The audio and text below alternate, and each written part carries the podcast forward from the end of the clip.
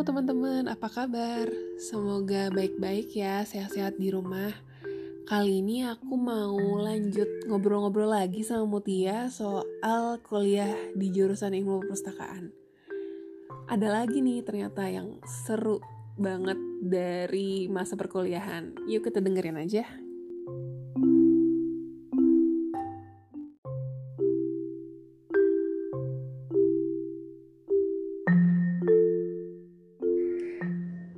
Ngelanjutin episode sebelumnya soal kuliah ilmu perpustakaan. Tentunya waktu kuliah kita juga pernah ngalamin PKL praktek kerja lapangan di luar uh, kampus ya. Saat itu uh, aku dan Mutia kebetulan satu kelompok ya satu kelompok uh, PKL dan kita milih buat uh, kerja di luar Jakarta tepatnya di Yogyakarta dan itu proses pemilihan kotanya juga drama banget ya. Agak drama kita riset dulu. Eh mungkin dari ini kali ya kenapa kita milih di luar kota Ki? Oh iya sebenarnya niat awalnya apa? Jalan-jalan bu. Karena kan curi-curi liburan. kalau di kampus kita eh kita udah bilang belum ya kita kuliah di mana? Udah ya? Udah udah udah. Kalau di UI itu kan PKL itu dilakukan di tiga bulan liburan. Mm-mm. liburan tiga bulan tuh yang eh, genap ke ganjil ya benar kita punya waktu banyak banget tuh kita pikir kayak wah kalau misalnya PKL-nya di Jakarta eh, hidup gue habis di busway iya gitu. sumpah banget gak sih ngebayang berdiri di busway dua jam walaupun gitu. sekarang dilakukan ya iya ya, namanya juga hidup terus akhirnya kita riset tuh kita mau di luar kota biar sekalian liburan lah colongan mm-mm. gitu kita riset perpustakaan mana ya yang kira-kira eh, terbaik mm-mm. Eh, ya tapi masih terjangkau sama kita untuk eh, kita kerja di iya situ. gue inget banget waktu itu pilihannya ada yang di Bali. Oh iya Ya kan? Kan? yang perpustakaan terbaik tahun 2011 ya. Pokoknya ada itulah award gitu. Terus kita ngeliat dari situ. Di Bali di Bandung sama di Jogja kalau nggak salah. Benar kayaknya di Malang juga di deh Malang juga pokoknya ya. Jawa Timur gitu deh. Ha-ha. Ha. kita sempat ngambil di Bali. Bener-bener nih anak anak dua ini ingatnya udah nggak bener. Nggak bener banget niatnya cuma di Bali itu biaya hidupnya gede banget iya dan kita nggak familiar juga nggak sih Betul. Terus eh, kita mau ngambil Bandung eh, mohon maaf kedeketan Iya kayak ya udah lu naik kereta aja pulang pergi hari Sabtu Iya. Minggu gitu kan. benar kita mau ke Malang kalau nggak salah ya tinggal Malang sama Jogja akhirnya kita Mm-mm. milih ke Jogja karena Mm-mm. kebetulan keluarga gue agak susah juga tuh minta izinnya dan Mm-mm. kalau di Jogja kan ada keluarga nyokap Iya jadi lebih untungnya mudah lah ya kita pikir begitu. tapi ternyata tidak ternyata enggak. kita sebelum PKL itu ada eh, survei dulu Mm-mm. kita seminggu ya di sana ya? Tapi sebelumnya kita udah sempet ini sih ngubungin pihak perpustakaannya nggak sih bikin Kita surat. prosedur ya. Dan ternyata harus ngurus perizinan nggak sih? Mm, harus ke kantor apa DP Kantor dinas perizinan yang gitu. di ini Malioboro. Malioboro, iya heeh. dan itu nggak bisa dilakukan berbarengan dengan kita PKL Iya. jadi kita mulai mulai mata kuliah eh kita PKL misalnya bulan depan Hmm. sekarang kita udah mulai Iya. ngurus Wow izinnya liburan duluan nih. dan itu dadakan ke kita Banget. ngomong hari ini besok kita berangkat iya gak sih gue ingat tuh berangkat Iya. hari Kamis gitu Dan itu kayak kayak lu mau ngelamar kerja nggak sih Iya. capek banget. dan itu kita sempat hopeless di Jogja kayak agak susah gitu kayak dinas perizinan terus ternyata harus ke apa gitu ya Hmm. ke kota ya pokoknya ada kan kota apa kantor lain lagi lah yang harus kita datengin dan nggak bisa selesai sehari. Yang gue ingat waktu itu. Mm-mm, mm-mm. akhirnya kita dapat satu jalan yang alhamdulillah kelar di saat Iya. itu juga. Dan diterima sama perpustakaan tempat kita kerja. Iya. Yang ada di pusat kota Jogja. Iya FYI kita itu di perpustakaan di bawah pemerintahan kota Jogja. Jadi Hmm. segala apa namanya perizinannya emang harus jelas gitu. Beda mungkin kalau misalnya perpustakaan swasta gitu ya Hmm. mungkin lebih singkat lah untuk perizinannya dan kita nggak nyangka juga bakal serumit ini karena kan ya namanya di Jogja ya bukan di Jakarta yang Mm-mm. ya sama-sama birokratif sih pasti. Iya. Nah, di minggu kita mengurus perizinan yang gak kalah menarik adalah kita mengurus tempat tinggal. Iya, itu juga agak aduh kita eh tapi sebelumnya gini ya. Salah satu hal yang bikin gue pengen ngekos di luar adalah karena selama ini gue gak pernah ngekos jadi kayak so ide eh mau kita di luar kota aja biar bisa ngekos. Iya, gue juga setuju banget. Karena gue sama Kiki ini kan rumahnya deket ya. Dan kita sama sebenarnya kalau dibilang deket banget enggak. Enggak. tapi jauh banget juga enggak biasanya eh, orang-orang yang tinggal di daerah rumah kita ya, dan kuliah di UPI Iya, itu pasti ngekos ngekos kalau kita kita pulang pergi naik gitu kan, angkot naik iya tiap hari T19 wow. Iya bener banget. Nah kemudian kita ngide nih pengen ngerasain ngekos Mm-mm. gitu Wah, kan. kayaknya seru ya masak sendiri Mm-mm, nyuci sendiri gitu tidur kan gitu Mm, kan. kayak mandiri banget padahal kita nggak pernah juga hidup misah Mm-mm. sama orang tua. Nggak kebayang banget sih. Nah ya udah akhirnya dengan berbagai drama disetujui kita pas urus perizinan kita nyari kosan. Mm-mm, bener banget. Dan sulit ya ternyata karena perpustakaannya itu bukan di daerah eh, kampus. Banget heeh. jauh dari kampus. Dan tengah kota gitu loh kayak istilahnya kalau Jakarta tuh kayak mentengnya Jakarta lah gitu Iya. ya elit gitu lah. Betul. Dan kita dapat kosan juga harganya nggak murah ya ke mahal sih untuk ukuran Jogja. Iya. kalau kita dengar kan kalau di UGM tuh ya bisa lah 300, 400 300 kita enggak itu tahun Kita 2000 600 ya? 2013 ya? Ah, 600 600 700 sih. berdua. Ya pokoknya di atas gope lah berdua itu kayak hah? Kamar mandi dalam nggak? Kamar mandi luar. Kamar mandi dalam kayak ya udahlah ya mau gimana yang penting dekat gitu kan. Kita nggak mikir banyak banyak lah saat itu yang penting perizinan kita lolos sama dapat tempat tinggal Uh-uh. sementara sama orang itu cuma sebulan kan Cuma rencananya. ya udah tuh terus? Dan kocaknya eh, pencarian tempat tinggal ini kan dibantu sama om gue ya? Iya. Gue ingat banget tuh kita waktu itu nginep di Sosrawijaya nih kayak eh di mana ya Pokoknya- iya di iya nggak sih? belakang Malioboro Iya. yang dekat pasar Guest kembang kan house banget kan banget guest house yang jendelanya tuh nggak nutup iya iya iya Nah, yang dan- kita cuma sekamar doang bukan Iya, iya. bukan apa sih bukan hotel Mm-mm. gitu kan nah gue nyari nyari kosan itu sama om malam-malam Mm-mm. karena gue udah nitip pesan kan om cariin dong om kosan di dekat eh, perpus gitu iya kan. iya pas sa- hari itu om bilang ketemu nih gitu kan. Hmm. ya udah nanti malam ya om pulang kerja. Mau gue gimana? Karena om gue bawa motor. Gue iya nggak mungkin kan kita bonceng tiga akhirnya gue meninggalkan keke di McD dengan kentang goreng gue ingat bener banget di McD Malioboro. Malam-malam. Karena gue udah cukup beberapa kali lah sebelumnya ke Jogja jadi ya udahlah sendirian di sini aman lah. Itu jam 10 malam gak sih? Jam di Dan atas jam nyari, 8 nyari sendirian di kamar sebenarnya Iya, gue lebih serem di guest house sendirian dibanding di McD sendirian karena itu di Malioboro kan yang orang tuh masih lalu lalang dan itu malam Sab malam minggu apa ya pokoknya hari libur lah ya. nggak?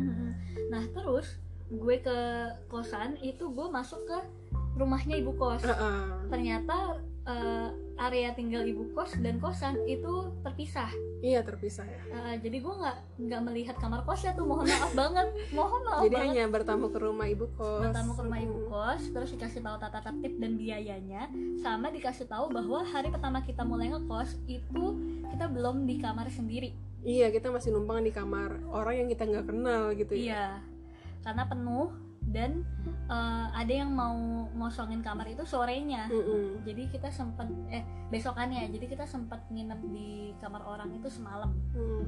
cuma ya lumayan lah akhirnya kita mingle ya sama Iya akhirnya jadi ya ngobrol-ngobrol sama penghuni kosan sambil kita langsung besoknya tuh hari pertama kerja ya. hari pertama kerja jadi kita pagi itu kerja perkenalan cuma sebentar gue ingat Terus tapi sebelum itu ya Heeh, gue ingat ekspektasi gue ke, ke- ke- ngekos heeh. jadi kita kan eh, dari Jakarta nih Oh iya iya Naik kita naik kereta. beca.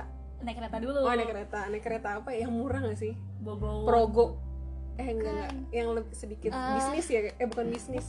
ekonomi juga eh, Bogowonto. Bogowonto Iya pokoknya harganya masih 100 ribuan lah Iya. zaman dulu. dia naik Bogowonto ekonomi turun di Lempuyangan bu Iya lempuyangan, Ah, bukannya di bukan kota. di Tugu. Heeh. dari Lempuyangan itu nggak jauh kita naik beca Mm-mm. dengan ekspektasi nyampe kosan disambut ibu kos Iya, kayak akademi fantasi gitu kan bawa koper. Ternyata. ternyata ibu kos keluar rumah ingat banget "Eh, misi ibu oh ya udah langsung masuk aja Hah? wow. Kayak ini gue di Jogja kan Iya. bukan di Jakarta. Kayak kita terbuang gitu udah masuk aja. Dan kita nggak punya kamar bayangin aja kita ya lan- lantai dua ya mbak. Di kamarnya siapa namanya? Gue lupa gue deh. lupa anak stan lah pokoknya ah. sekarang. Eh udah lulus kali. Iya pakai jilbab cantik banget itu da, anak Batam ya dia ya. Anak dia Batam perantau betul, juga. betul. nah terus eh, di kamarnya dia itu memang ada dua kasur. Iya dan lega ya. Lega lega banget. cuma kan kita jadi bertiga iya. Akhirnya gue mengorbankan diri untuk tidur di eh, tikar. Emang iya? Iya. Bukannya disatuin ya? Enggak. gue lupa sih. Gue kalau nggak salah disatuin cuma nggak muat. Karena dipannya kecil. iya iya iya. kayak ya seorang doang seorang yang kurus lah. Eh, bayangin aja. dipan-dipan ka- kasur zaman dulu. Iya iya reot-reot gitu. Sebelumnya kita mohon maaf ya kalau misalnya ada suara-suara bocor. Karena Ya udah lah ya. sore-sore itu banyak anak-anak hai lewatlah kalian lewatlah kemudian udahlah kita mingle sama teman-teman kos semalam kita sempat nonton TV juga ya jadi kalau digambarkan itu kamar kita di lantai dua depan kamar Mm-mm. itu ada satu cekungan buat kita nonton TV bareng-bareng Iya, dan itu semua serba kayak dipaksa sih ruangannya terpaksa, Mhm. TV-nya juga kecil, tempatnya Mhm. kecil gitu loh. di atas dapur Iya benar. Jadi kayak di bawah ada masak apa kayak itu Kecium. Nanti ada ceritanya Oh iya iya. nah gue sih inget eh, juga perasaan waktu masuk ke dalam kosan Hmm. ngeliat ah kosan kita kayak gini Iya. kayak Heeh. Tapi kalau gue sih eh, gue sih nggak terlalu masalah pe- pertama-tama ngelihat lantainya masih tegel ya. tegel Yang tegelnya tuh yang kayak Tegel hitam, hitam. hitam dingin gitu. Gue tuh stres ngeliat peraturannya sih kayak jam 8 harus dikunci. iya terus kayak nggak boleh uh, ada orang nginep pokoknya tuh kayak strict banget kayak Betul. asrama wanita banget zaman dulu gitu dan kalau mau nginep di luar harus lapor Heeh. terus kalau misalnya kita kira-kira mau pulang di atas jam 9 kita bisa minjem kunci sama ibu kos iya dan itu harus tertulis semua di Iya. Ih, ribet banget sih dan di di depan eh, di depan rumah kos Hmm. itu ada nama kita ingat nggak Oh, nama-nama iya. anak Mm-mm. kos Mm-mm. terus sebelahnya ada tidak ada Mm-mm. ingat nggak kalau kita Mm-mm. keluar kita geser jadi tidak ada kayak zaman 80-an ya rasanya ya Mm-mm. Sebenarnya mirip kayak visualisasi rumah kos di film-film zaman dulu ya. Iya. Dan kamar mandinya bu. Wah, mantul.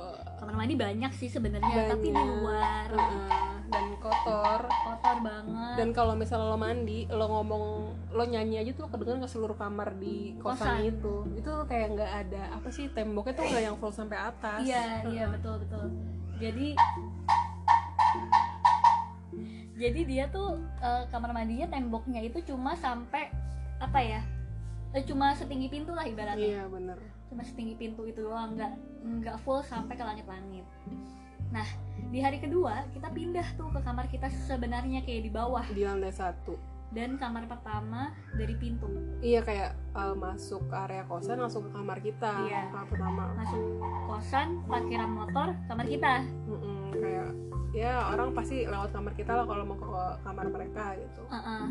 dan gue shocknya adalah itu kamar buat dua orang kasurnya cuma satu iya padahal kita bayar juga nggak murah ya Kita bayar juga buat dua orang. 600 ya Uh-uh. Heeh. jadi harganya itu kalau misalnya kita nempatin buat sendiri sama berdua tuh berbeda Mm-mm. dan kita cuma dikasih tikar gue kayak ya mohon maaf sebulan gue tidur di tikar hancur juga badan Iya. gue gitu. Ini kayak lebih cocok KKN sih bukan PKN kayak lu di rumah bisa tidur di kasur enak sampai di Jogja lo tidur di tikar. Di tikar. sedih sih. Iya dan gue inget banget kita pulang kerja itu kita ngepel. Iya. Karena kotor banget. Banget. Dan banyak rambut. Iya gue tuh ngerasa kayak ini kok kotor terus padahal kita juga nggak yang Berantakan. eh, dan nggak di kosan mulu kan. Kita Iya. berusaha bersih bersih juga kayak lemari tuh gimana caranya biar selalu apa namanya tertata lah biar nggak ada debu-debu kayak gitu. Nah balik lagi ke yang mau kita kegiatan sebenarnya ya. tentang PKL kalau tentang kosan nanti ada lanjutannya sih dan itu bakal seru juga. Nah awal-awal kita apa PKL, ya itu agak kaget juga sih karena perpustakaan tempat kita PKL itu rame banget ya kan? padahal sebenarnya kecil. Iya untuk ukuran perpustakaan apa sih? Kota. kota ya? Heeh. itu lumayan kecil sih kalau dibandingin sama yang dia di Jakarta ya? Iya. Dia kecil dia dua lantai tapi sehari itu yang eh, berkunjung tuh bisa 500 orang. Iya banyak banget. Kayak pagi tuh orang pada baca koran semua. Kayak aktivitas yang reguler gitu kebiasaan yang ya lucu sih kalau di Jakarta kita belum tentu nemu yang Ya, kayak gitu. Nah, terus di pertama kali kita mulai masuk, itu yang kita lakukan pertama adalah meeting. Ingat nggak apa yang terjadi Oh, di iya. meeting? yang kita nentuin jadwal nggak sih Iya, jadi kan kita diperkenalkan dulu nih. Kita datang "Eh, ke atas dulu ya Mbak. iya iya iya oh ya udah gue masih inget tuh baju gue hari itu tuh bahkan gue masih inget banget karena Heeh, ketika meeting kita duduk nih. Heeh. awkward dong ya iya kan? pendatang baru nih. pendatang baru nih. Siapa? Gitu kan. Anak kota main ke anak Mm-mm, Jakarta ngapain gitu gitu. kan? terus gue inget banget eh, apa namanya? Pembimbing kita. Oh iya. Pak dia kepala apa ya di sana ya? kepala bagian Heeh. kepala suatu bagian lah di perpustakaan itu. Dia bilang gini eh, aduh pantesan di bawah tuh rame. Hmm. gue gue perlu menceritakan bagian ini nggak ya? Tapi ini Apa? kocak banget yang di, di bawah tuh rame. Ada Fatin ada Fatin inget gak lo? Oh iya iya dia ada Fatin gitu. ada Fatin. Oh zamannya idol waktu itu iya ya. iya. Masih Fatin kayak gitu gitulah terus ada Fatin naik ke atas. Pas lihat ke atas eh ternyata Mbak Mutia. Gue sama Kiki lihat-lihatan hmm. ini ice breaking atau Iya, beneran? iya karena kita kan juga takut salah juga ya. Soalnya Iya. budayanya beda banget Beda sama di banget. Jakarta. Kayak di sana tuh orangnya eh, ya, ya Hati-hati. unggah unggunya tuh masih aduh pokoknya Jawa banget lah gitu. Betul betul. Hmm, terus? Kita di sana juga dikasih jadwal mm-mm. dan kita nggak selalu bersama. Itu gue agak kaget hah? Ada jadwal siang? Serius nih perpustakaan buka sampai malam. Iya di jadwal malam. Itu agak gue kan anak penakut ya gue ngomong, aduh pulang sendirian malam-malam. Itu agak ngeri tapi ya udahlah ya namanya udah Ah. dibikinin jadwalnya pasti ini udah diatur banget. Betul. Hmm. dan selama kita kerja di sana ketika gue melihat jadwal oh wow ternyata ini nggak cuma tentang uh, Pelayanan. uh, layanan dan mengelola ngelola koleksi. Iya bener. Tapi sampai ke menjaga tas. Iya jadi tuh di sana tuh pustakawan tuh bener-bener keren sih kayak ngerasain semuanya dari ngelayanin pemustaka di front office sampai apa jaga layanan TI ya? Di iya atas. di atas. Terus ngejagain koleksi anak sampai jaga tas iya peminjaman tas kita kayak wow. Dan uh, kalau ngebayangin tempat menjaga tasnya itu kayak di Gramedia ya? Mm-mm, persis. Jadi orang ngasih tasnya Mm-mm. harus kita angkat tasnya Iya, yang mana ransel itu kadang keringet nempel isinya laptop isinya laptop berat, Berat gitu gitu kan. gitu bobo keringet aja iya anak gitu mahasiswa kan. bayangin sih baru pulang kuliah iya eh, terik matahari naruh ini mbak tasnya oh iya mas gitu nah terus kita angkat kita Mm-mm. masukin ke laci Mm-mm.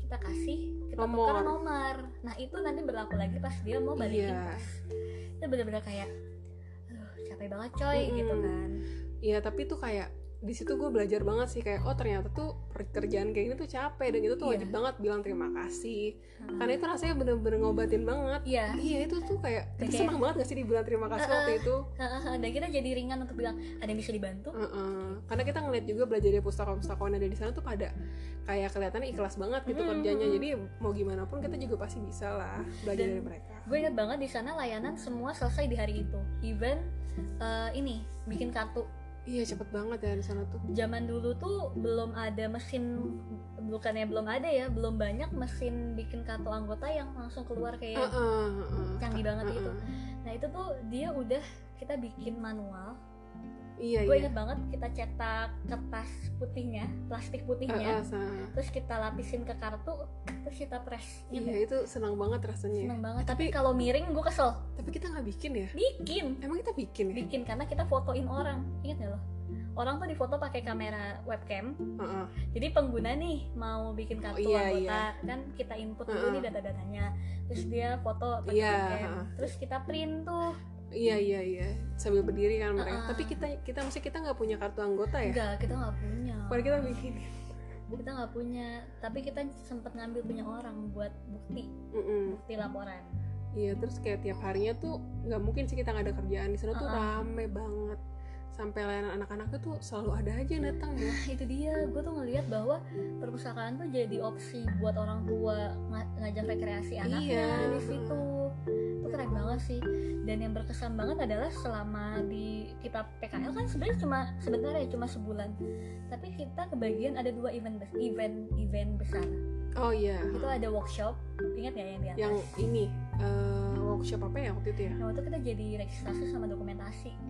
Jadi notulen bikin Oh iya, notulen sih. bikin, sorry. oh iya bikin notulen oh siap gitu kan. Ah, sama liburan di perpus kota iya bener Itu yang anak-anak sampai ada yang bule-bule juga Iya, itu kayak ih, lucu banget oh waktu kita persis Bikin- sama waktu liburan anak sekolah iya ya iya Heeh. bikin caping ngelukis di caping apa nggak salah iya terus bikin apa tuh namanya kendi ya iya ngelukis, ngelukis di kendi. kendi sama iya eh, iya caping yang buat topi-topi itu. ah, ah. bahkan gue masih nyimpen pinnya dong kayaknya gue juga masih ada deh yang warna biru muda. Iya, warna itu kan biru. Tosca. Seru sih. Di sana tuh seru banget. Bikin ya apa namanya acara-acara buat ngisi liburan anak-anak kayak Mm-mm. gitu-gitu. Eh, terus apalagi ya? Oh inget gak sih? Hmm. Eh, kalau misalnya kita pagi-pagi hari Sabtu atau hari Minggu kan buka tuh ya. Iya. Kita datang nih pagi jam setengah delapan kan. Mm-mm. itu tuh ada anak kecil yang nungguin di pintu. Banget kayak mereka mau main internet kan Iya. dan rata-rata tuh katanya tinggal di apa sih namanya nama daerah yang Aduh. pinggir kali di dekat daerah kota baru ya Uh-uh. pokoknya mereka tuh pasti datang di hari Sabtu itu kayak buka jam 8 mereka dari jam setengah 8 udah udah soalnya ngantri mereka tuh akan ngantri mereka datang lebih awal itu lucu sih mereka lucu mereka behave Heeh. gemes gitu Iya, loh nggak kayak- yang barbar gitu ayo tuh cepat buka Uh-uh. enggak terus eh, banyak sih yang seru dan yang gue suka di sana tuh tempat makan terjangkau ya. Mhm. harga harganya kita tuh selalu makan di apa sih? Kantin bulog bulog, ya kantin bulog yang kantin kantor kantor orang sih sebenarnya ya. sepuluh ribu nggak sih? Dua belas ribu. Padahal makanan rumahan ya nasi Iya. lauk. Terus ada nasi kucing juga. Aduh Iya, pokoknya sana tuh enak banget. Dan nasi kucingnya tuh kadang eh, menyediakan nasi pakai sayur labu gitu loh iya iya Itu kayak di enak rumah dan bersih. Dia nasinya Iya. nasinya bukan yang pera-pera gitu. kecuali yang kita makan malam-malam di kosan. Iya itu kan Itu asal kita cuy di depan rumah sih. sakit belinya. Iya depan rumah sakit Bethesda waktu itu. Itu nasi kucing yang kita beli murah sih 1500 ingat gue. Tapi udah mau basi. Itu ya ampun udah malam juga kita kan nggak berani keluar keluar juga iya kan. kita udah kelaparan ya nggak sih? Baru baru ngekos juga ya kita waktu itu. Heeh, masih awal-awal masih pengen makan yaudah deh beli makan di Hemat-hemat. galeria juga kadang. Heeh. kalau lagi kebobolan. Ya, gitu sih seru banget. Eh, kalau di apa namanya perpus sebenarnya nggak ada yang aneh ya nggak ada yang menyebalkan. Paling kita kaget tuh oh kita habis makan Hmm. budayanya itu adalah cuci piring sendiri. Oh iya kalau di sana iya. Ah. jadi tuh kalau OB itu di sana gimana ya? Kayak bersih bersih nyapu ngepel mm-mm, aja. lebih ke gitu. Kalau atau ya, nyuciin gelas bekas Bos. pemustaka oh iya kan di sana kan ada. kayak ada minum gratis gitu kan dispenser. Sedangkan kalau untuk pegawainya memang ter- dibiasakan untuk sendiri Hmm, jadi waktu kita habis jajan ingat banget kalau jam 10 tuh ada ibu-ibu jualan gorengan. Emang iya ya? Iya di belakang deket oh musola. iya yang jajan jajan gitu Heeh. kan. Mbak mbak jajan. Iya biasanya Mbak Emi atau Mbak Mbak, Emi. Tanjung gitu gitu sama satu lagi mbak ini. Leli. Ada satu lagi yang pakai jilbab kalem banget yang arsip ya?